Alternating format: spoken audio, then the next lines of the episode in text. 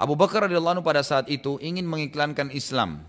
Jadi waktu itu sudah mulai, jadi setiap orang masuk Islam disiksa oleh tuannya. Masih secara individual, masih secara individual. Abu Bakar mau nantang itu. Apa yang beliau lakukan? Beliau ingin mengiklankan Islamnya, maka beliau lalu datang di dekat Ka'bah dan membaca ayat Quran yang sudah beliau hafal. Melihat hal tersebut, yang terjadi adalah Quraisy pun lalu mengeroyoki sampai darahnya Abu Bakar menemui wajahnya. Kita beliau baca Quran, dipukulin beliau tetap baca. Sampai selesai surah yang beliau hafal, baru beliau berhenti gitu. Tapi beliau dipukulin sambil membaca Al-Quran itu. Ini bentuk dakwah yang pertama sekali waktu itu ya. Kemudian Abdullah bin Mas'ud ada sahabat Nabi yang mulia lain yang terkenal juga merupakan sahabat Nabi ya yang kuat imannya dan menghafal beberapa surah Al-Qur'an, tidak mau juga kalah dengan Abu Bakar gitu kan. Padahal Abdullah bin Mas'ud ini orangnya sangat kurus sekali. Orangnya sangat lemah secara fisik gitu, kecil sekali badannya. Ya, sampai-sampai pernah terjadi jemaah sekalian waktu sudah hijrah ke Madinah gitu kan. Pernah Abdullah bin Mas'ud ini naik di atas pohon uh, kurma, kemudian ada angin yang niup, bajunya itu terangkat sehingga betisnya beliau kelihatan. Sangat kurus, kecil sekali gitu, ya. Kayak hampir tidak ada tidak ada dagingnya, ya. Ini memang dibawakan dalam riwayat begitu. Dan sahabat banyak yang menertawakan. Sahabat hanya jadi ketawa lihat itu kan. Lalu apa kata Nabi SAW? Apakah kalian menertawakan ke kecil betisnya ya, Ibnu Mas'ud? Demi Allah, betisnya Ibnu Mas'ud ditimbangan pada hari kiamat jauh lebih berat daripada gunung Uhud. Jauh lebih berat daripada Gunung Uhud radhiyallahu anhum. Ya, jadi Abdullah bin Mas'ud ini pada saat di Mekah jemaah sekalian baru masuk Islam, beliau juga ingin mengiklankan ya, mengiklankan Islamnya, maka beliau membaca surah Ar-Rahman depan Ka'bah. Lalu Quraisy mengeroyokinya. Tapi anehnya dia tetap bertahan sampai selesai surah. Kalau orang kecil, orang kurus sekali gitu lemah, tapi dia tidak peduli. Tetap dia baca Al-Quran untuk mengiklankan Islam. Siapa tahu dengan dua tiga ayat ada yang menyentuh orang-orang Quraisy tersebut. Nabi SAW berkata, apa yang engkau lakukan hai Mas'ud? Untuk apa kamu nyusahin dirimu dipukul-pukul gitu? Kata Abdullah Mas'ud, bila anda kehendaki ya Rasulullah, besok pasti aku akan lakukan lagi. Kalau anda suruh, saya, saya ngaji, saya ngaji lagi depan Ka'bah, nggak apa-apa biar mereka pukulin gitu. Tapi ini menunjukkan juga bagaimana para sahabat alihim yang sangat luar biasa. Mereka mendakwakan Islam tanpa takut untuk berdarah, untuk ditolak, untuk apa itu tidak masalah. Pada saat dakwah mulai gencar, maka pemuka-pemuka Quraisy tidak dapat menerima lagi perlakuan para sahabat yang terus-menerus berdakwah juga mencaci maki Tuhan mereka. Sebenarnya sahabat ini bukan caci maki Tuhan mereka ya. Sahabat ini cuma bilang, apa yang kalian sembah ini patung dibuat sendiri gitu kan. Tapi tetap aja mereka ngerjain itu. Maka mereka anggap sahabat sedang mencaci maki. Lalu apa yang terjadi? Mereka mendapati ternyata yang menjadi penolong utamanya Nabi SAW adalah pamannya Abu Talib. Jadi orang-orang Quraisy ini masih ragu nyiksa Nabi, ganggu Nabi, ganggu sahabat-sahabat yang terkenal seperti Abu Bakar, ya, orang-orang yang memang luar biasa gitu ya, apa namanya kedudukannya. Ya mereka tahu bahwasanya yang mendukung ini adalah Abu Abu Abu Talib. Abu Talib adalah pendukung utamanya gitu. Maka mereka pun sepakat mendatangi Abu Talib dan berkata, wahai Abu Talib, ponakan anda sangat mengganggu kami, sementara ia berada dalam naungan anda. Kami minta biarkan kami mengadilinya atau anda yang memberhentikannya. Abu Talib lalu menjawab, tidak mungkin, dia adalah ponakanku sama dengan anakku. Siapa yang mengganggunya, maka berarti mengganggu aku. Tentu pada zaman itu kalau kepala suku sudah bicara seperti ini nggak mungkin dibantah gitu. Karena kalau tetap dibantah maka akan perang antara suku dan besar-besaran. Maka berpencar orang-orang Quraisy dengan kekecewaan. Namun karena Nabi SAW tetap gencar berdakwah, dan mereka menganggap mencaci maki Tuhan-Tuhan mereka, maka mereka kembali kepada Abu Talib yang kedua kali ini dan mengatakan hal yang sama dengan sebelumnya. Kami sudah tidak sabar lagi, kata mereka. Melihat keadaan sudah memanas, maka Abu Talib pun mendatangi Nabi SAW seraya berkata begini, Wahai keponakanku, sesungguhnya kaummu telah mengeluhkan ulahmu ini dalam berdakwah ini. Abu Talib waktu itu tidak tahu, belum tahu gitu kan. Apa yang sedang disampaikan. Aku ingin solusi agar masalah ini tidak membesar. Jangan sampai jadi masalah besar di Mekah nanti.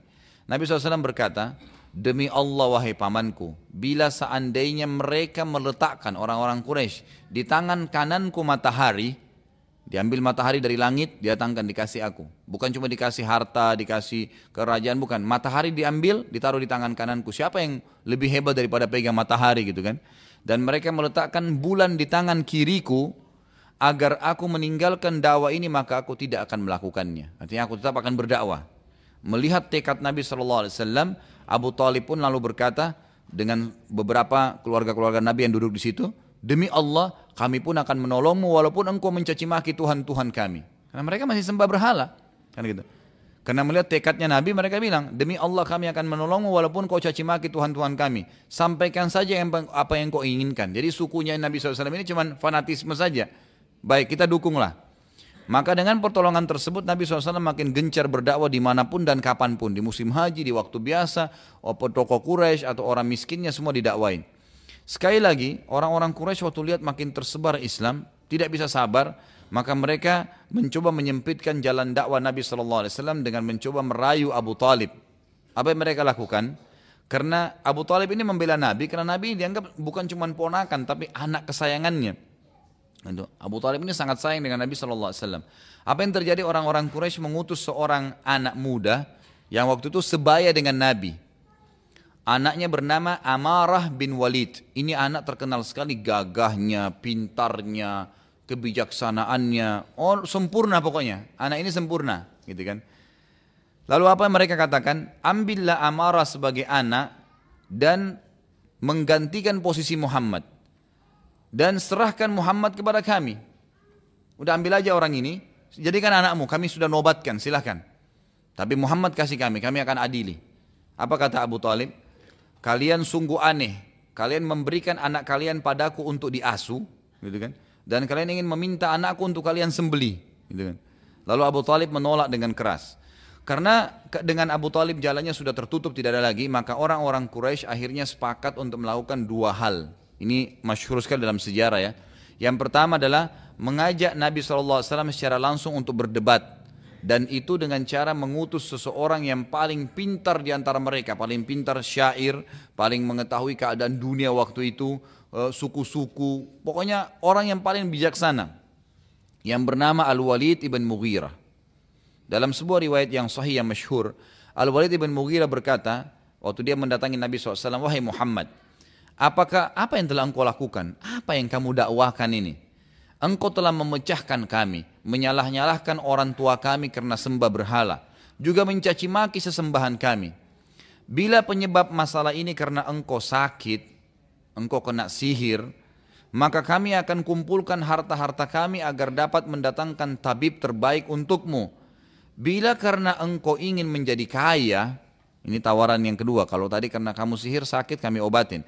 Kalau kamu ingin kaya, maka kami akan kumpulkan semampu kami harta untukmu agar engkau menjadi orang yang paling kaya di antara kami. Bila karena engkau ingin kemuliaan, maka kami semua akan menyanjungmu. Gak perlu khawatir karena kamu tokoh kami tokoh masyarakat. Bila karena engkau ingin menjadi raja, maka kami akan nobatkan engkau menjadi raja kami. Bila karena wanita, maka kami akan nikahkan engkau dengan wanita tercantik sesuai pilihanmu.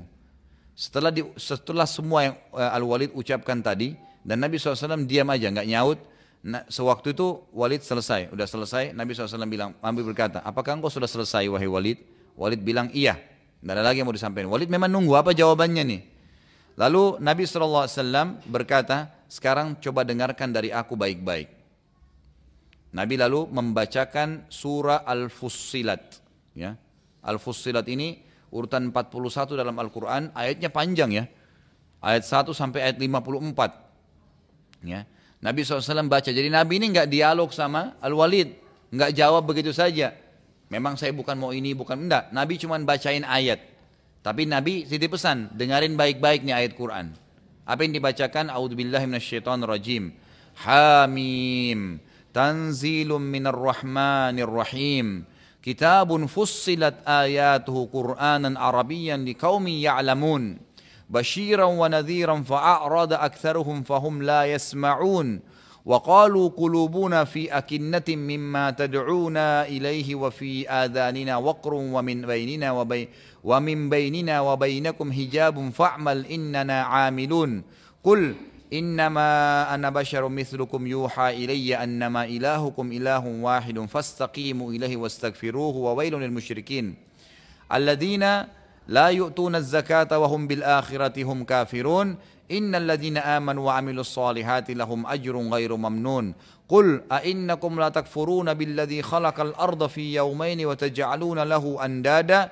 ذلك رب العالمين. وجعل فيها رواسي wa baraka fiha wa qaddara fiha aqwataha fi arba'ati ayyamin sawa'an lis-sa'ilin ثم استوى إلى السماء وهي دخان فقال لها وللأرض ائتيا طوعا أو كرها قالتا أتينا طائعين فقضاهن سبع سماوات في يومين وأوحى إلى في وأوحى في كل سماء أمرها وزين السم وزينا السماء الدنيا بمصابيها وحفظا. ذلك تقدير العزيز العليم. فإن أعرضوا Fakul anzartukum sa'ikatan mithla sa'ikati adin wa thamud. Sampai ayat 13 ini, waktu Nabi SAW baca, kebetulan waktu itu jemaah sekalian, Al-Walid ini belum pernah tahu apa yang Nabi dakwain. Dan cuma dengar simpang siur. Dan juga selama ini orang cuma baca, oh Muhammad tuh selalu bacain ayat-ayat Quran dari Allah. Dia nggak pernah dengar, baru kali ini dia dengar gitu. Apa yang Nabi katakan, kita terjemahin dulu 13 ayat ini ya.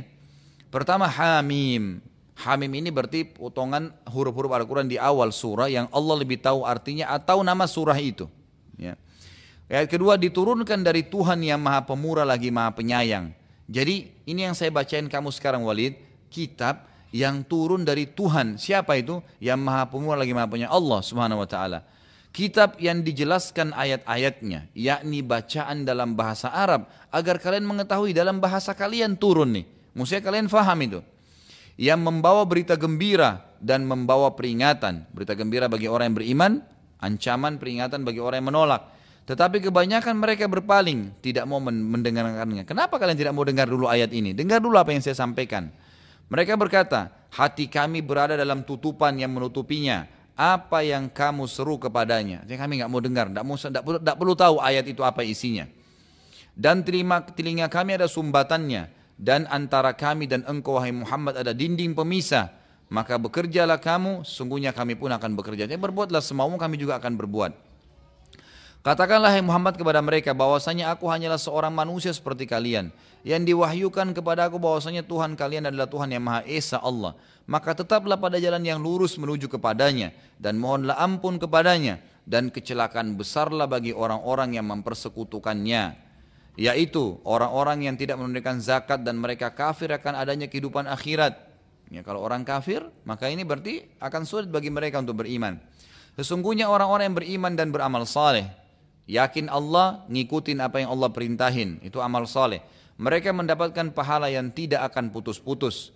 Katakanlah Muhammad sekali lagi kepada mereka, sesungguhnya patutkah kalian kafir kepada Allah yang telah menciptakan bumi dalam dua masa dan kamu adakan sekutu-sekutu baginya yang bersifat yang bersifat demikian adalah Rob semesta alam. Dan dia menciptakan di bumi itu gunung-gunung yang kokoh di atasnya dia memberkahinya dan dia menentukan padanya kadar makanan-makanan penghuninya dalam empat masa. Ya. Jadi Allah SWT menciptakan ini dalam enam masa. Penjelasan ini sebagai jawaban bagi orang-orang yang bertanya. Tadi kan dua masa penciptaan bumi, kemudian empat masa ini penentuan apa yang ada di dalamnya. Yang ke-11 adalah kemudian dia menuju kepada penciptaan langit dan langit itu masih merupakan asap ya. Jadi ini semua cerita tentang uh, prosesi ya, prosesi langit dan bumi ini.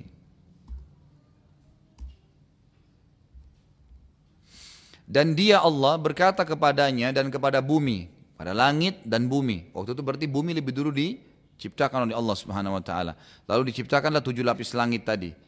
Lalu Allah berkata kepada keduanya ke langit dan bumi, datanglah kepadaku dengan perintahku dengan suka atau dengan terpaksa Lalu keduanya menjawab, langit dan bumi berkata kepada Allah, kami datang dengan suka hati, kami tunduk dengan suka hati. Maka dia Allah menjadikannya tujuh langit. Jadi pada saat itu Allah baru menjadikan tujuh lapis langit. Dalam dua masa pula. Ya, jadi dalam di sini juga sama dengan bumi yang memiliki dua masa. Dia mewahyukan kepada tiap-tiap langit urusannya. Lalu Allah memerintahkan setiap langit ada penghuninya, ada tugas-tugas di situ. Dan kami hiasi langit yang dekat Ya, ini sekarang langit yang di atas kepala kita. Langit yang dekat dengan bintang-bintang yang cemerlang seperti kita lihat sekarang dan kami memeliharanya dengan sebaik-baiknya. Demikianlah maksudnya tidak tabrakan, tetap posisinya gitu kan, fungsinya masing-masing ada. Demikianlah ketentuan Tuhan yang maha perkasa, ya lagi maha mengetahui.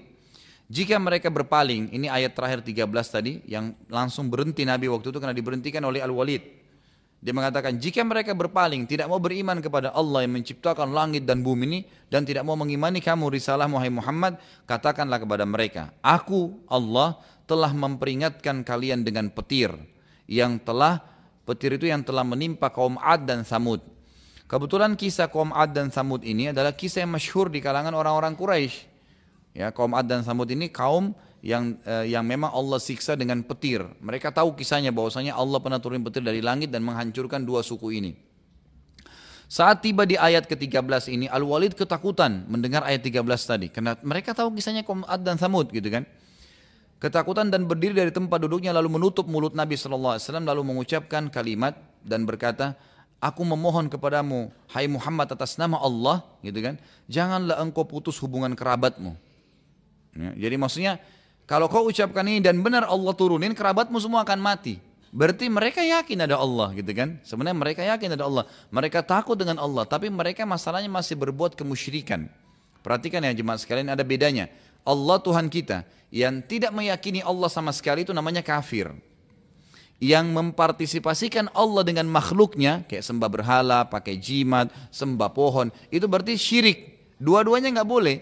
Tidak meyakini kafir, meyakini tapi masih melibatkan Allah dengan makhluknya dalam hak-haknya Allah, itu dalam ibadah, maka berarti dia musyrik. Orang-orang kafir Mekah ini musyrik. Mereka yakin ada Allah yang ciptakan langit Allah, bumi Allah. Mereka tahu itu. Tapi mereka masih nyembah berhala. Ya seperti banyak orang di antara kita sekarang. Sholat iya, tapi masih pergi kuburan minta-minta. Sama persis perilakunya orang kafir Quraisy Mekah. Nggak ada bedanya. Karena mereka yakin ada Allah, cuma mereka masih melibatkan ibadahnya dengan makhluk gitu. Maka pada saat itu karena ketakutan dia mengatakan unshiduka ya Muhammad billah ya warrahim. Jadi saya minta kepada Muhammad takutlah kepada Allah berhenti itu ditutup oleh Nabi dan hati-hati dengan kerabatmu sampai tiga kali. Lalu dia duduk kembali. Kemudian Nabi SAW melanjutkan surah sampai habis. Sampai ayat 54. Ini tentu kita tidak akan baca. Karena memang yang jadi saksi bahasan cuma sampai 13 ayat tadi. Itu kan sisanya itu dibacain dan Al-Walid pun dengar. Setelah, ter, ya, setelah selesai dibaca, yang anehnya jemaah sekalian, ya kata Nabi SAW, Wahai Walid, ini yang saya miliki. Ini jawaban saya nih. Saya nggak punya yang lain. Nabi nggak nggak ucapin kalimat pun, cuma bacain surah Al-Quran. Jadi Nabi SAW tidak dialog tapi bacaan Al-Quran, maka dengan kemujizatan Al-Quran, Al-Walid tidak bisa membuka dialog. Dan ia pertama kali mendengar Al-Quran dengan tenang dan tanpa gangguan, dan ia benar-benar tersentuh dengan ayat-ayat tadi. Lalu ia berdiri dari tempat duduknya dan menuju ke Darun Nadwa, tempat orang-orang Quraisy kumpul. Lalu orang-orang Quraisy yang mengutusnya berpikir, ada apa nih dengan Muhammad? Kita sudah penasaran mau dengar bagaimana dialognya dengan Walid. Walid orang yang paling pintar. Tiba-tiba saja, ya, pada saat orang-orang Quraisy mengutus Walid, mukanya dalam kondisi marah menuju ke Nabi SAW. Karena mau tahu informasi gitu kan. Waktu pulang, tiba-tiba saja mukanya Walid kelihatan seperti orang yang sedang terkagum-kagum. Lalu, waktu di Aruna dua orang-orang Quraisy tanya, Demi Allah, sesungguhnya, hai Walid, engkau telah kembali dengan raut wajah bukan seperti wajahmu waktu kamu pergi tadi. Waktu pergi tadi kamu marah. Sekarang kamu pulang, ya dalam kondisi senyum-senyum. Orang kagum-kagum, ada apa denganmu? Walid mengatakan apa? Dengarkan kalimat yang luar biasa Ibu sekalian. Ini pengakuan yang luar biasa. Dia mengatakan, ini orang paling pintarnya Quraisy. Demi Allah, aku telah mendengarkan perkataan yang belum pernah aku dengarkan sebelumnya. Ketahuilah, semua perkataannya Muhammad itu sangat indah, juga sangat jelas. Perkataannya sangat tinggi. Sungguh ya perkataan yang terbaik yang dia ucapkan itu sudah ada buahnya, ada hasilnya. Artinya ini biasa digunakan oleh para penyair ya perkataan yang tertingginya itu berbuah. Artinya apa yang dia inginkan sudah sampai targetnya. Dan perkataannya yang paling sederhana telah mencukupi. Hanya sudah menjawab saya. Dan pastilah perkataannya ini akan menang dan tidak akan terkalahkan. Nabi SAW dikarunia Al-Quran karena kaumnya pada saat itu menjunjung tinggi sastra. Dan Al-Quran datang dalam menantang sastra itu dan kita sudah tahu semua nabi-nabi itu jemaah sekalian diberikan mukjizat sesuai dengan keadaan kaumnya. Kalau Nabi Musa dulu senang dengan sihir, ya kaumnya Firaun maka diutuslah seperti sihir itu tapi mukjizat Ya, tong, apa, tongkat bisa berubah jadi ular, tangannya bisa dikeluarkan jadi cahaya dan seterusnya gitu kan. Nabi Isa kedokteran, Allah tantang mereka dengan Isa datang tanpa ayah gitu kan. Bisa lahir, bisa hamil Maryam dengan tanpa suami, tanpa berhubungan biologis yang manusia tahu selama ini dalam ilmu kedokteran. Nabi SAW itu sastra yang terkenal. Jadi bisa saja mereka menyusun sastra-sastra itu sangat indah, sangat bagus gitu. Quran datang, seperti misalnya penggunaan wasyamsi waduhaha, kan gitu. Akhirnya pakai ha semua ya. Wal qamari idza talaha. Itu luar biasa dan banyak ayat Al-Qur'an begitu. Itu sebenarnya eh, apa namanya komponen susunan puisi-puisi atau syair-syair gitu kan. Tapi Al-Qur'an bukan syair cuman menyerupai itu dan mengalahkan syair. Mengalahkan syair karena isinya maknanya sangat besar. Berbicara tentang langit bumi syair-syair cuma mengatakan kebanyakan penyair Arab itu cuma memuji apa yang ada di sekitarnya. Seperti misalnya wanita kemudian rumahnya yang bagus, apa eh, jenis pekerjaannya, cuman itu saja dan itu sudah dianggap sangat tinggi.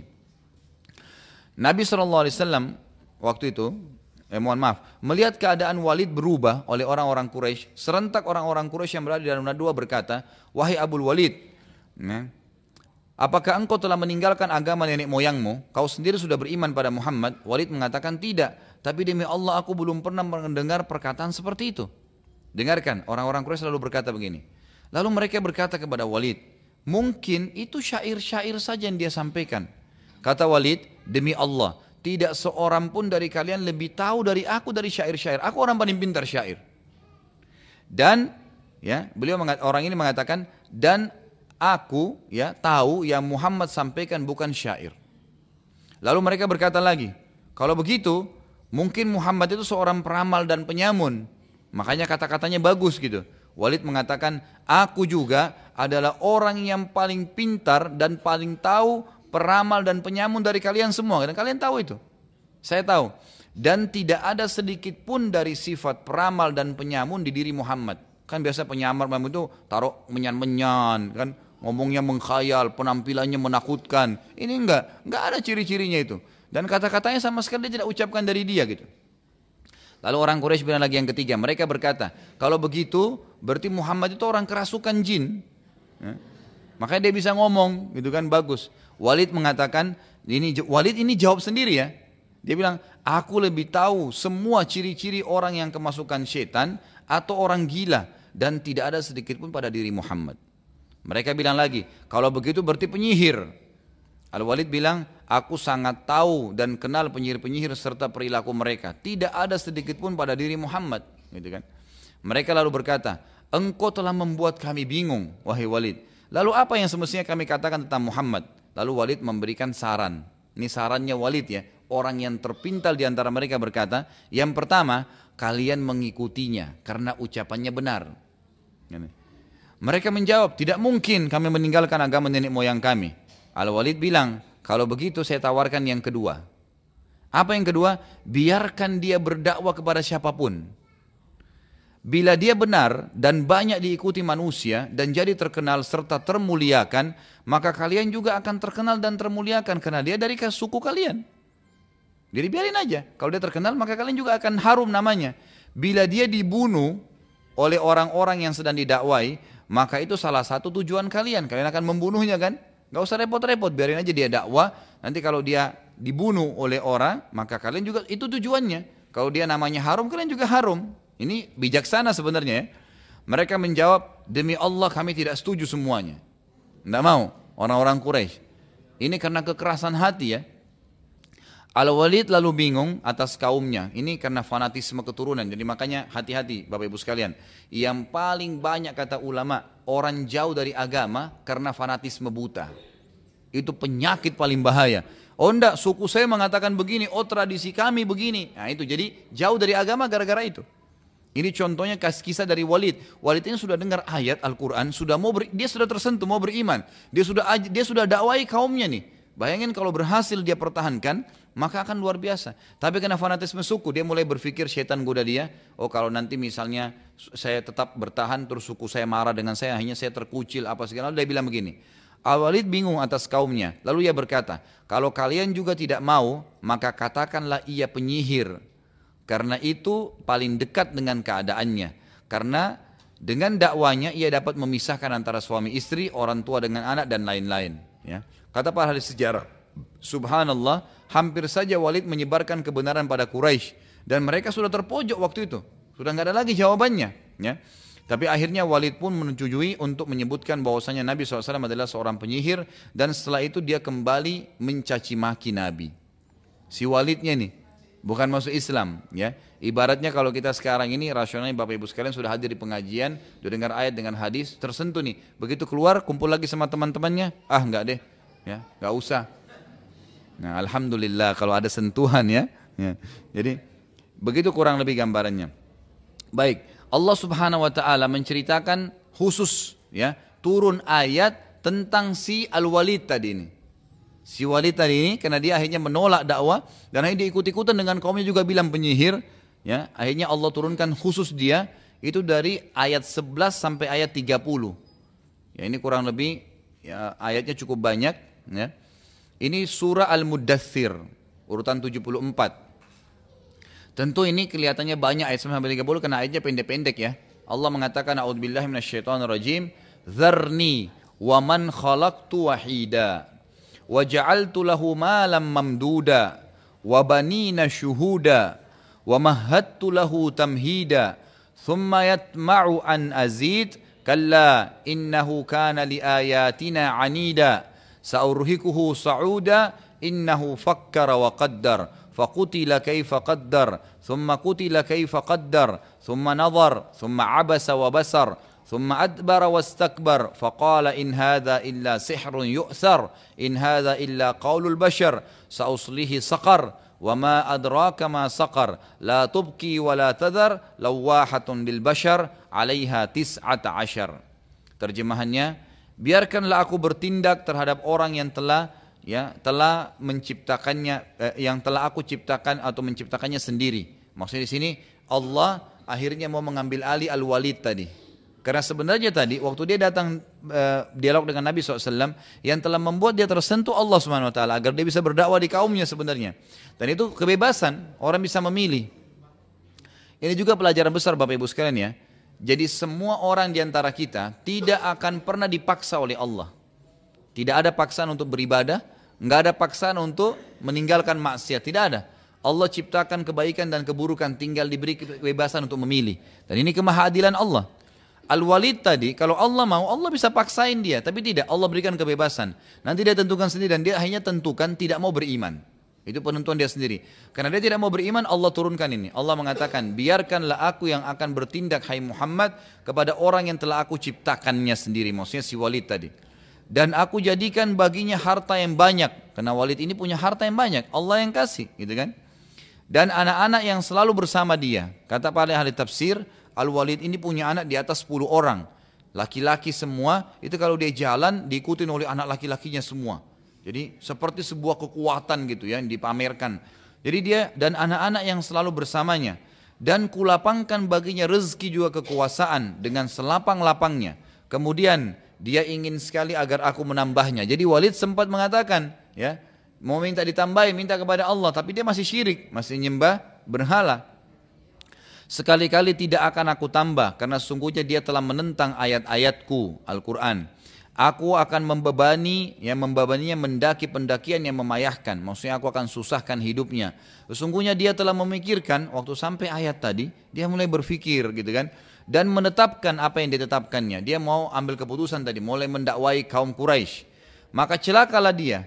Bagaimana dia mem mem membatalkan, bagaimana dia tiba-tiba dia beralih. Tadi sudah tersentuh, tiba-tiba dia beralih. Kemudian celakalah dia, bagaimana dia menetapkan, bagaimana dia mengambil keputusan untuk batalin beriman. Kemudian dia mulai berpikir sesudah sesudah dia ya bermasam wajah dan merengut. Maksudnya setelah dia tadinya datang dalam kondisi marah, ya tiba-tiba dia berubah. Lalu dia berkata, Al-Quran itu tidak lain hanyalah sihir yang dipelajari dari orang dahulu, ini tidak lain hanyalah perkataan manusia, aku akan memasukkan dia, kata Allah tentang Al-Walid ke dalam api neraka sakar. Tahukah kamu apa itu neraka sakar? Sakar itu tidak akan meninggalkan dan tidak akan membiarkan. Artinya akan membakar semua dari kulit, urat sampai tulang-tulangnya hangus. Gitu kan? Lalu dikatakan neraka sakar adalah pembakar kulit manusia dan di atasnya neraka itu ada 19 malaikat yang jaga. Ya. Hmm. Lalu jemaah sekalian, karena langkah berdialog dengan Nabi Shallallahu Alaihi Wasallam itu tidak berhasil, tadi dialog Al Walid tidak berhasil dengan Nabi SAW, maka mereka sepakat dengan langkah kedua dan ini penutupan bahasan kita dalam langkah kedua ini. Kami akan membunuhnya juga menyusahkannya. Orang-orang Quraisy bilang, kami akan membunuhnya dan menyusahkan Nabi Shallallahu Alaihi Wasallam. Mulai saat itu, orang-orang Quraisy semua sepakat memulai dengan mencaci maki Nabi Shallallahu Alaihi Wasallam. Setiap kali bertemu Nabi di depan Ka'bah, waktu Nabi lagi tawaf, setiap hari mereka selalu mencaci maki Nabi dengan beragam macam cacian. Tetapi Nabi SAW bersabar sampai tiba suatu hari sudah tidak tahan lagi Nabi dicaci maki, dicaci maki tentang uh, apa namanya keturunannya, dicaci maki tentang keluarganya, pokoknya caci maki saja. Lalu Nabi SAW berkata, wahai Quraisy, aku akan memerangi kalian sampai kalian semua terbunuh. Nabi ini orangnya nggak pernah banyak ngomong gitu, ya, kecuali hal-hal yang baik. Satu kali Nabi langsung mengancam mereka, wahai Quraisy, karena kalian caci maki seperti ini, caci maki Allah, caci maki Al-Quran, caci maki Nabi SAW, keluarganya Nabi, maka saya akan memerangi kalian sampai saya akan membunuh kalian semua. Mendengar kata-kata yang tegas dan keras dari mulut Nabi SAW, anehnya tiba-tiba saja orang-orang Quraisy tadi yang mencaci maki mendatangi Nabi SAW lalu berkata, wahai Muhammad, maafkanlah kami, kami tidak bermaksud sampai masalah ini terjadi gitu. Setelah Nabi SAW meninggalkan mereka, ya, kemudian mereka kembali duduk di dalam lalu mereka saling menghardik satu sama yang lain gitu. Bukankah tadi kita sudah sepakat memang untuk caci maki dia sampai ia melawan lalu kita bunuh? Karena kalau tiba-tiba dibunuh nanti Abu Talib bisa bela gitu kan. Tapi kalau kita caci maki dia terpancing emosi lalu kita terjadi perkelahian dengan dia dia terbunuh maka itu nggak masalah. Mengapa dengan satu kalimat saja kalau dari mulutnya kalian semua malah minta maaf dengan dia? Gitu kan? Jadi orang Quraisy sendiri bingung. Maka keesokan harinya ketika melihat Nabi Shallallahu Alaihi Wasallam sedang tawaf, mereka semua langsung mengoroyoki Nabi Shallallahu Alaihi Wasallam sambil berkata, apakah engkau yang telah mengancam kami dengan peperangan kemarin? Karena jumlah mereka sangat banyak, maka Nabi Shallallahu Alaihi Wasallam pun terpojok. Melihat keadaan tersebut, anak Nabi SAW yang masyhur Fatimah Az-Zahra radhiyallahu anha beliau pada saat itu lewat dan lihat ayahnya dikeroyoki langsung beliau coba membela ya tapi tidak tidak bisa Lalu ia segera menemui Abu Bakar radhiyallahu anhu dan menyampaikan apa yang terjadi. Maka Abu Bakar bersegera datang dan membantu Nabi SAW sampai ia berhasil menolong Nabi lepas dari mereka. Lalu Abu Bakar berteriak dengan suara keras. Apakah kalian mau membunuh orang yang hanya mengatakan Tuhanku Allah? Apa alasannya? Dia cuma mengatakan Tuhanku Allah. Kalian juga mengatakan Tuhan kalian Allah. Cuma dilarang tidak boleh sembah berhala. Selesai. Apa masalahnya gitu? Kenapa kalian harus bunuh? Itu termasuk ya ini termasuk salah satu yang menimpah Nabi SAW dan ini dalam dakwah. Tentu banyak hal ya banyak hal nanti akan kita pelajari juga. Cukup banyak hal-hal nanti yang apa namanya terlewatkan dalam kehidupan Nabi SAW yang dicoba oleh Allah Subhanahu Wa Taala melalui orang-orang Quraisy yang merupakan tantangan dakwah. Mungkin sampai sini dulu insya Allah kita akan masuk pertemuan akan datang dengan masuk Islamnya Hamzah radhiyallahu anhu. Kalau ada yang mau bertanya silahkan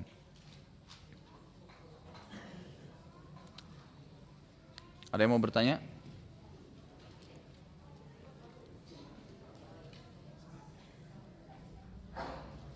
Waktunya memang sampai cuma sampai setengah sepuluh ya? Setengah sepuluh ya?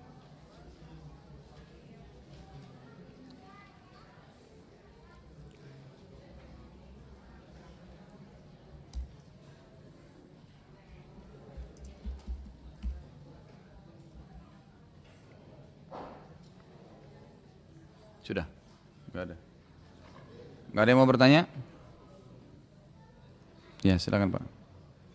Waalaikumsalam Ya, baik. Baik. Pertanyaan bagus ya. Orang-orang Quraisy juga kalau bersumpah menggunakan juga nama Allah, jawabannya iya. Jawabannya iya. Banyak sekali ayat Al-Quran yang berbunyi, di antaranya ada bunyi begini, A'udzubillahi minasyaitonirrajim, rajim wa idza sa'altahum man khalaqas samawati wal arda wa sakhkhara asy-syamsa wal qamar la Allah Hai Muhammad kalau seandainya engkau tanyakan kepada orang-orang Quraisy siapa yang menciptakan langit dan bumi, mengatur perputaran matahari dan bulan, bintang-bintang, maka mereka serentak mengatakan Allah. Jadi mereka beriman Tuhan namanya Allah. Dan kalau Bapak Ibu masih ingat rentetan sejarahnya, apa yang membuat akhirnya terjadi kemusyrikan di Mekah, itu karena perilakunya Amr bin Luhai. orang yang pertama masukkan berhala di Mekah. Awalnya begitu, berhala dulu satu. Tetap Tuhan kami Allah, tapi berhala ini perantara antara kami dengan Allah. Jadi menjadikan makhluk perantara terutama benda mati itu syirik, nggak boleh. Kan gitu. Jadi mereka ke berhala dulu, nanti baru ke Allah. Tapi lama-lama itu sudah banyak juga di antara mereka yang sudah sampai pada kekafiran. Bukan cuma musyrik, musyrik sudah tidak boleh. Kafir dengan cara menganggap memang berhala itu Tuhannya. Kan gitu. Allah subhanahu wa ta'ala, ini jadi salah satu Tuhan, jadi sering dibahasakan tuh kalau para filosof atau orang-orang yang uh, tidak beriman kepada Allah mengatakan dewa-dewa. Jadi mereka anggap itu patung ini dewa, dewa ini, dewa itu, dewa ini. Itu dianggap Tuhan-Tuhan semuanya, jadi banyak Tuhannya. Termasuk Allah salah satunya. Nah Nabi SAW datang khusus untuk meluruskan masalah ini. Jadi nggak boleh, Allah itu harus murni, esa. Tidak boleh ada sekutu baginya. Kan gitu. Kul huwallahu ahad, katakan Allah itu esa jadi Allahus Samad yang Allah tidak butuh pada siapa pun ya. Lam yalid walam yulad tidak melahirkan tidak juga dilahirkan walam yakul walam yakullahu kufuwan ahad dan juga eh, semua eh, tadi Allahus Samad yang semua bergantung padanya kalau akhir ayat surah Al-Ikhlas adalah dan segala sesuatu bergantung padanya. Jadi mereka kenal Allah. Mereka tahu Tuhan namanya Allah yang ciptakan langit, bumi, segala ini Allah. Mereka bersumpah pakai namanya Allah. Mereka bersumpah pakai namanya Allah. Kalau anda lihat sekarang juga, itu umumnya orang banyak mengakui Allah sebagai Tuhan, tapi tidak mau mengimani semua yang Allah perintahin. Kalau anda temukan sekarang orang-orang Nasrani dari negara Arab, ya seperti di Palestina ada orang Nasrani, di uh, apa namanya di, di Syria, di Yordan, di Mesir banyak orang-orang Arab tapi Nasrani. Mereka kalau sumpah bilang wallahi, ya demi Allah, karena itu bahasanya. Ya, kalau sekarang kan di Indonesia mungkin masih ada mereka mengatakan Tuhan Allah ya. Jadi tidak pakai double L gitu kan. Itu karena mereka katakan Allah ada, tapi mereka masih berbuat musyrik. Mereka masih mengatakan Tuhan Allah itu punya anak, ya kan gitu. Masih boleh partisipasi dengan makhluknya, maka ini sebabnya. Jadi sebenarnya kita harus murnikan ibadah kepada Allah SWT. Mereka bersumpah dengan nama Allah. Ini juga sekalian hati-hati Bapak Ibu sekalian sekarang lagi masuk Eh, ada beberapa pastor-pastor agama Nasrani dari Damaskus di Indonesia yang sudah cukup banyak ya. Bahkan mereka punya markas-markas itu uh, apa pendeta pastor-pastornya itu pakai jubah, kan gitu. jenggotnya panjang gitu kan. Itu pakai kopiah seperti orang Islam. Tapi di dadanya ada kalung salib yang besar gitu kan. Ya. Itu ditutupin dengan jubahnya. Orang banyak Eh, hati-hati jangan sampai terpengaruh ya salah. Mungkin insya Allah kalau orang yang sering hadir pengajian tidak terganggu, tapi orang-orang awam yang tidak pernah hadir pengajian bisa terpengaruh. Karena mereka juga sekarang buat ada tilawah Injil yang dalam bahasa Arab itu ditilawakan seperti Al-Quran. Ada musabaka Injil dalam bahasa Arab gitu ditulis. Itu sudah cukup banyak foto-fotonya disebarkan di internet agar umat Islam hati-hati dengan masalah ini. Jadi mereka tahu Allah, tapi mereka musyrik. Jadi bukan berarti orang semua kenal Allah, menggunakan nama Allah itu berarti dia sudah jelas muslim, tidak atau dia sudah benar. Bisa saja dia dengan mengenal Allah tapi dia berbuat musyrik. Seperti saya bahasakan tadi, perilaku-perilaku kita sekarang banyak umat Islam yang mengatakan dalam sholatnya iya karena budu iya karena stain. Hanya kepadamu kami menyembah, hanya kepadamu kami minta tolong. Tapi habis sholat minta minta di kuburan sebelah masjidnya. Sama saja. Mana tadi komitmennya mengatakan hanya kepadamu ya Allah. Ini yang Allah larang. Tidak boleh.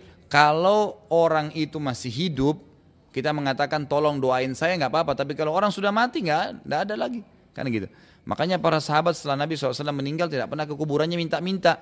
Ya, kalau kita sekarang malah kita ya besar-besarkan masalah itu dengan alasan macam-macam lah. Kita mengatakan karena ini kuburannya orang wali-wali dan segalanya itu semua tidak benar.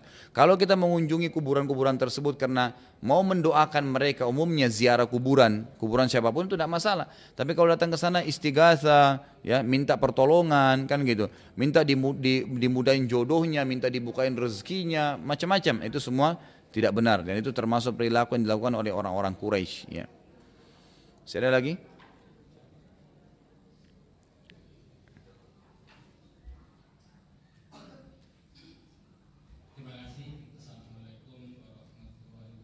Waalaikumsalam.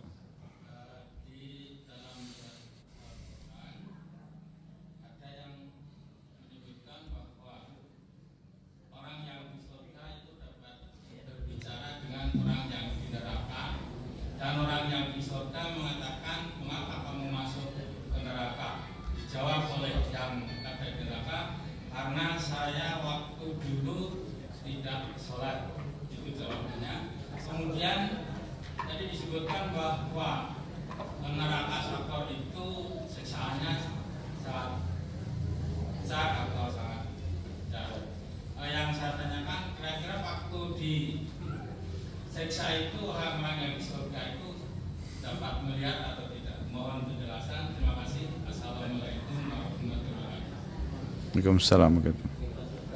Ya jadi intinya adalah apakah ya apakah penghuni surga bisa melihat penghuni neraka pada saat disiksa gitu kan? Jadi ulama sudah sepakat semuanya mengatakan memang penghuni surga akan melihat penghuni neraka dan penghuni neraka akan melihat penghuni surga. Agar penghuni surga terus bersyukur kepada Allah dan agar penghuni neraka terus menyesali itu. Ini dibuktikan banyak sekali ayat Al-Quran. Ya. Karena di antara dialog yang terjadi antara penghuni surga dan neraka adalah penghuni neraka akan mengatakan kepada penghuni surga, ya, berikanlah kami sedikit dari apa yang Allah berikan kepada kalian. Ya. Berikanlah kami apa yang telah Allah berikan kepada kalian walaupun sedikit, walaupun cuma air. Gitu. Lalu kata penghuni surga, sesungguhnya Allah mengharamkan itu bagi orang-orang kafir. Terjadi dialog di antara mereka. Terjadi dialog. Dan ini lebih banyak lagi e, disebutkan kalau Anda ingin baca ada buku yang pernah saya bawakan dulu kecil, judulnya itu Rasulullah bercerita tentang surga dan neraka. Kalau tidak salah harganya mungkin sekitar 10 ribuan atau 12 ribu gitu. Itu cukup bagus. Di situ ada uh, disebutkan sub judulnya itu memang dialog pembicaraan antara ahli surga dan ahli neraka. Mereka memang bicara dan cukup banyak ayat yang diangkat di situ tentang masalah itu. Jadi memang mereka saling melihat. Tetapi di sini melihatnya itu bukan secara spesifik ya. Misalnya bukan uh, setiap saat kita lihat di depan mata kita tidak, tapi kapan penghuni surga mau lihat, mereka bisa lihat. Kapan saja. Sampai ada kisah dalam Al-Quran disebutkan itu, nanti akan ada beberapa orang masuk di surga. Mereka kumpul-kumpul, kan ini kalau Bapak Ibu sekalian kita nanti di surga insya Allah, pada saat tiba-tiba kita mau ngumpul nih, ingat teman, oh si Fulan, langsung tiba-tiba kita datang ke istananya, ketemu sama dia. Ngobrol-ngobrol, ingat kisah dulu, oh kita pernah hadir di Al-Ihsan ya dulu. Kita pernah ada begini, kita pernah begitu. Loh itu benar. Itu nanti akan bicara gini dan seterusnya gitu, kita akan bicara. Kemudian dalam Al-Quran diceritain itu nanti akan ada beberapa orang yang bicara, lalu mereka ingat satu temannya. Mana si Fulan? Mereka cari di surga, keliling, nggak ada. Dicari, cari, cari, cari, nggak ada. Lalu mereka melihatnya, mencarinya di neraka. Didapat orang itu di neraka. Itu terjadi dialog. Dialog antara penghuni surga ini yang sedang melihat ke neraka itu, lihat temannya ada, ditanya. Yang yang surga ini bilang, hampir saja kau celakakan aku. Karena ternyata temannya ini yang masuk neraka dulu selalu bilang, untuk apa kamu sholat, untuk apa kamu begini, nggak usah hadir pengajian, nggak usah ini, pokoknya nolak-nolak gitu. Hampir saja kau celakakan saya. Kalau bukan saya mendapatkan hidayah dari Tuhanku, maka saya akan bersama kau di neraka. Ini di antara yang terjadi dialog mereka. Jadi memang kita bisa melihat itu. Kita bisa melihat. Termasuk kata ulama, dan ini ada nanti bahasan sendiri ya pada saat uh, apa namanya memang itu bahasan sendiri dalam kelas hadis ya mungkin bapak ibu kalau ada waktu bisa hadir di Al Azhar setiap Senin malam itu pengajian kita antara maghrib isya di Al Azhar di Bekasi Barat sini juga ya. Itu memang berjalan terus. Sekarang lagi bab sholat tuh karena kita bahas rukun Islam. Nanti akan masuk dalam rukun iman. Kita akan bahas rukun iman itu tentang iman kepada hari kiamat. Di antaranya tentang surga dan neraka. Itu akan panjang lebar nanti terincikan insya Allah. Bagaimana dialog di antara mereka? Bagaimana keadaan mereka? Termasuk nanti kita kalau masuk surga Bapak Ibu sekalian Anda bisa mereview hidup Anda di dunia bisa kita lihat tuh ya misalnya ya Allah saya mau kembali ingat tuh saya baru lahir kita lihat tuh waktu baru lahir, kemudian kegiatan kita setiap hari apa yang kita lakukan sampai terakhir filmnya habis gitu. Ya, bagaimana waktu sakaratul maut datang menjemput Anda, Anda akan tahu itu. Ketemu sama teman-teman, eh, satu sama yang lain saling mengunjungi, itu semua akan terjadi. Ya, akan terjadi surga. Itu sudah ada sudah ada semua penjelasannya dalam wahyu Allah Subhanahu wa taala. Ya. Gitu Pak ya. Maaf di belakang sebentar Pak, lebih dulu tadi. Lebih dulu sebentar ya.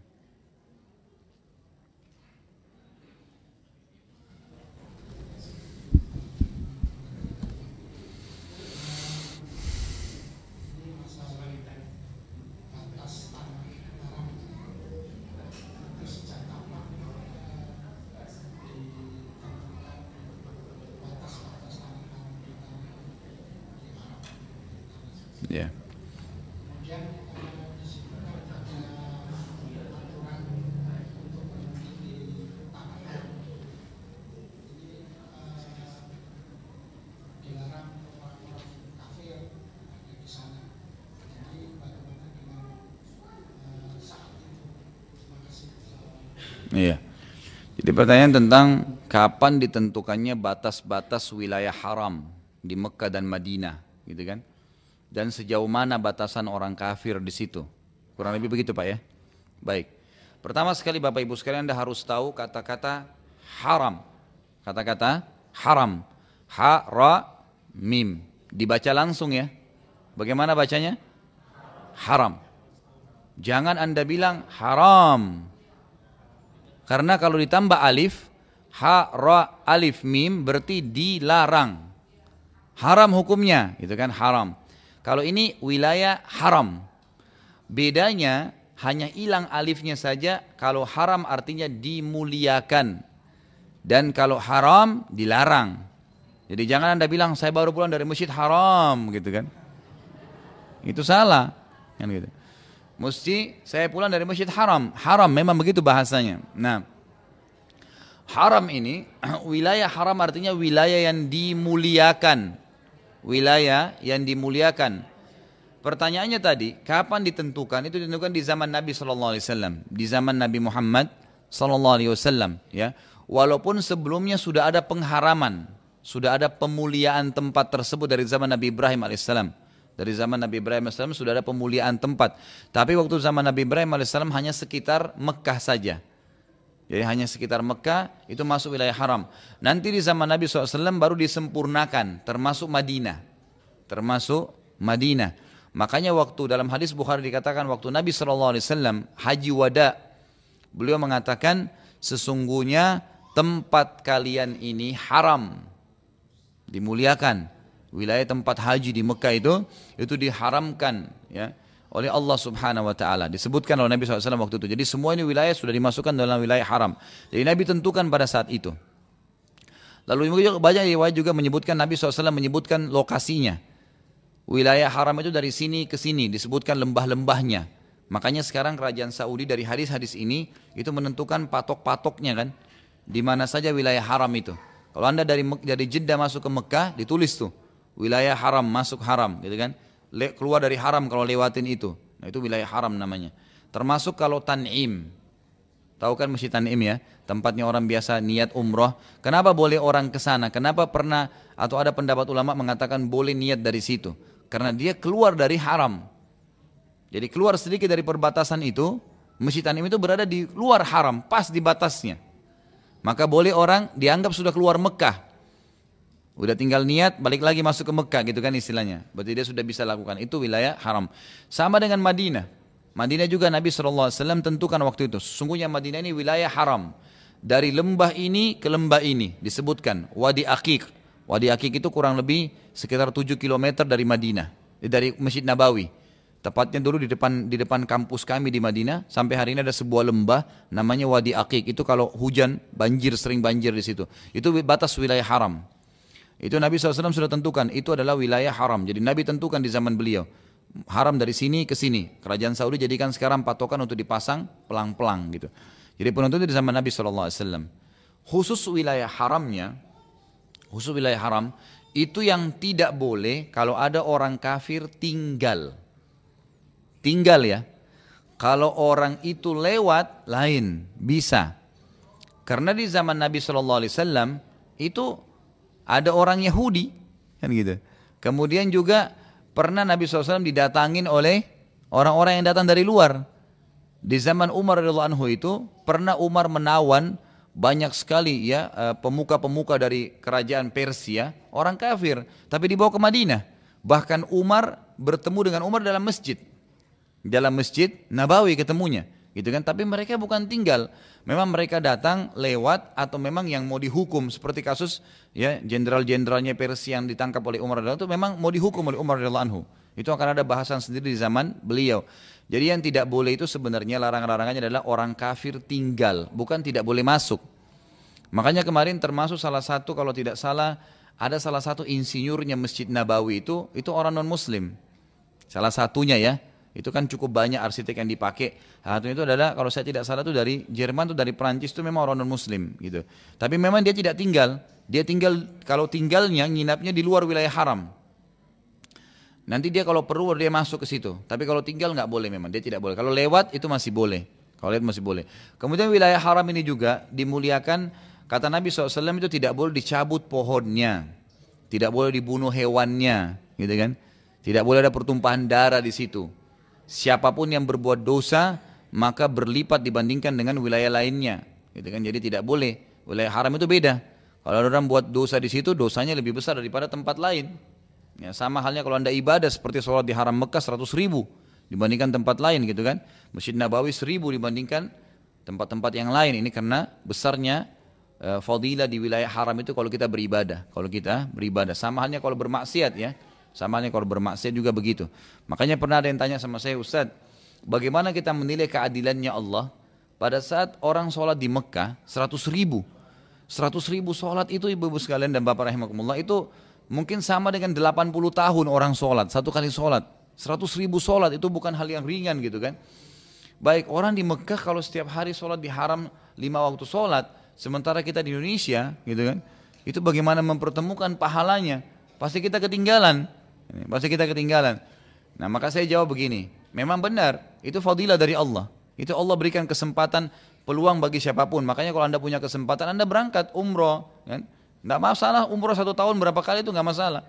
Dan haji kalau bisa setiap tahun ya setiap tahun kalau nggak bisa kayak sekarang ada peraturan ya udah ikutin aja. Tapi minimal jangan haramkan diri kita dari ya, dari masalah hadir di situ gitu kan. Jangan kita sampai uh, kehilangan pahala itu. Dan juga Allah Maha Adil dari sisi lain itu adalah orang yang berbuat dosa di wilayah haram juga dosanya berlipat ganda lebih berat daripada orang di wilayah haram, di luar wilayah haram.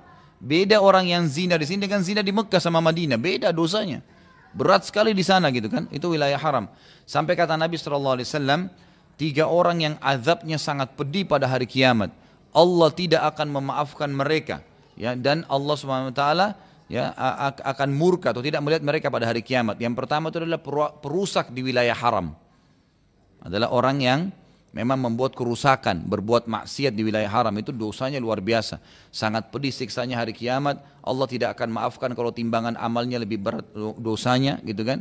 Dan juga Allah tidak akan melihat mereka pada eh, Allah SWT tidak akan memaafkan, Allah tidak melihat dan adabnya sangat pedih. Tiga ancaman itu. Ya kurang lebih begitu Pak. Masih ada lagi? Ya.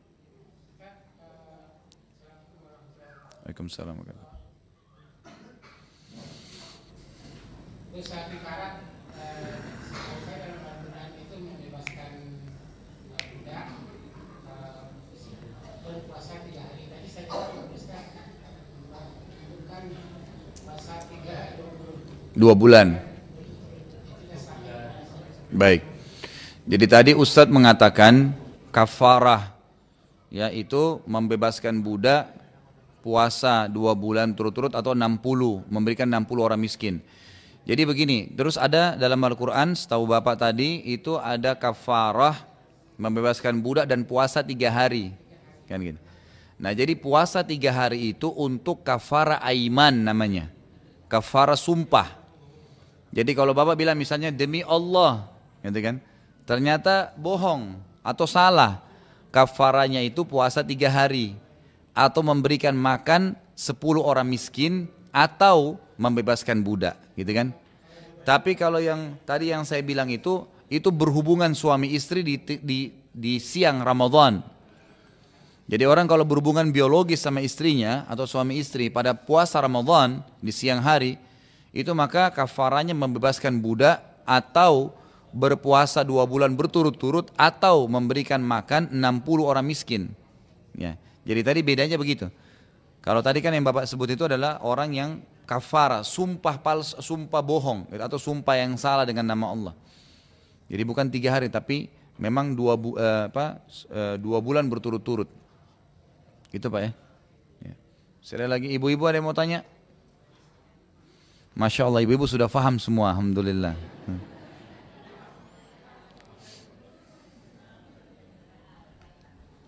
Sudah nggak apa-apa kalau sudah habis nah, masalah. Baik insya Allah kalau sudah tidak ada yang bertanya lagi Alhamdulillah Semoga Allah SWT memberkahi majelis kita ini menjadikan kita yang senantiasa mendekatkan diri kepadanya. Bapak Ibu sekalian saya ingin mengingatkan diri saya dan juga jemaah sekalian ingatlah selalu bahwasanya waktu akan terus berlalu umur kita terus berkurang kita makin dekat pulang kepada Allah Subhanahu wa taala maka jangan pernah sia-siakan setiap peluang amal soleh di antaranya hadir di majelis taklim kan gitu. Kemudian ibadah-ibadah yang lain umumnya dijaga dan ibu harus dan bapak sekalian sadari dengan menghadiri majelis ilmu seperti ini iman kita akan bertambah pasti. Dan dengan bertambahnya iman maka kita akan terdorong lebih banyak beramal soleh.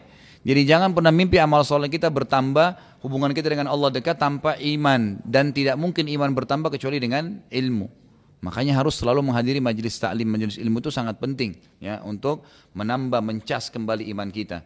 Dan ingat juga Bapak Ibu sekalian, masing-masing orang di antara kita akan dihisap oleh Allah Subhanahu wa taala. Tidak ada orang lain. Apa yang Bapak Ibu lakukan itu yang akan Ibu temukan dan Bapak Ibu sekalian temukan. Baik-baik, buruk-buruk dan semua janji Allah pasti akan datang sebagaimana Allah mengatakan innallaha la yukhliful mi'ad. Allah tidak akan memungkiri janji-janjinya. Allah janjiin pahala dengan amal soleh pasti Allah kasih. Allah akan kasih surga pasti semua. Apa yang kita sampaikan tentang surga dan neraka tadi sebagian kecil itu itu hanya sekedar informasi tapi pasti akan terjadi. Kan gitu. Begitu juga dengan masalah neraka. Ini yang saya sampaikan Bapak Ibu sekalian semoga bermanfaat. Kalau ada benar dari Allah, kalau ada salah dari saya mohon dimaafkan. Subhanakallahumma bihamdika asyhadu an la ilaha illa anta astaghfiruka wa atubu ilaik. Wassalamualaikum warahmatullahi wabarakatuh.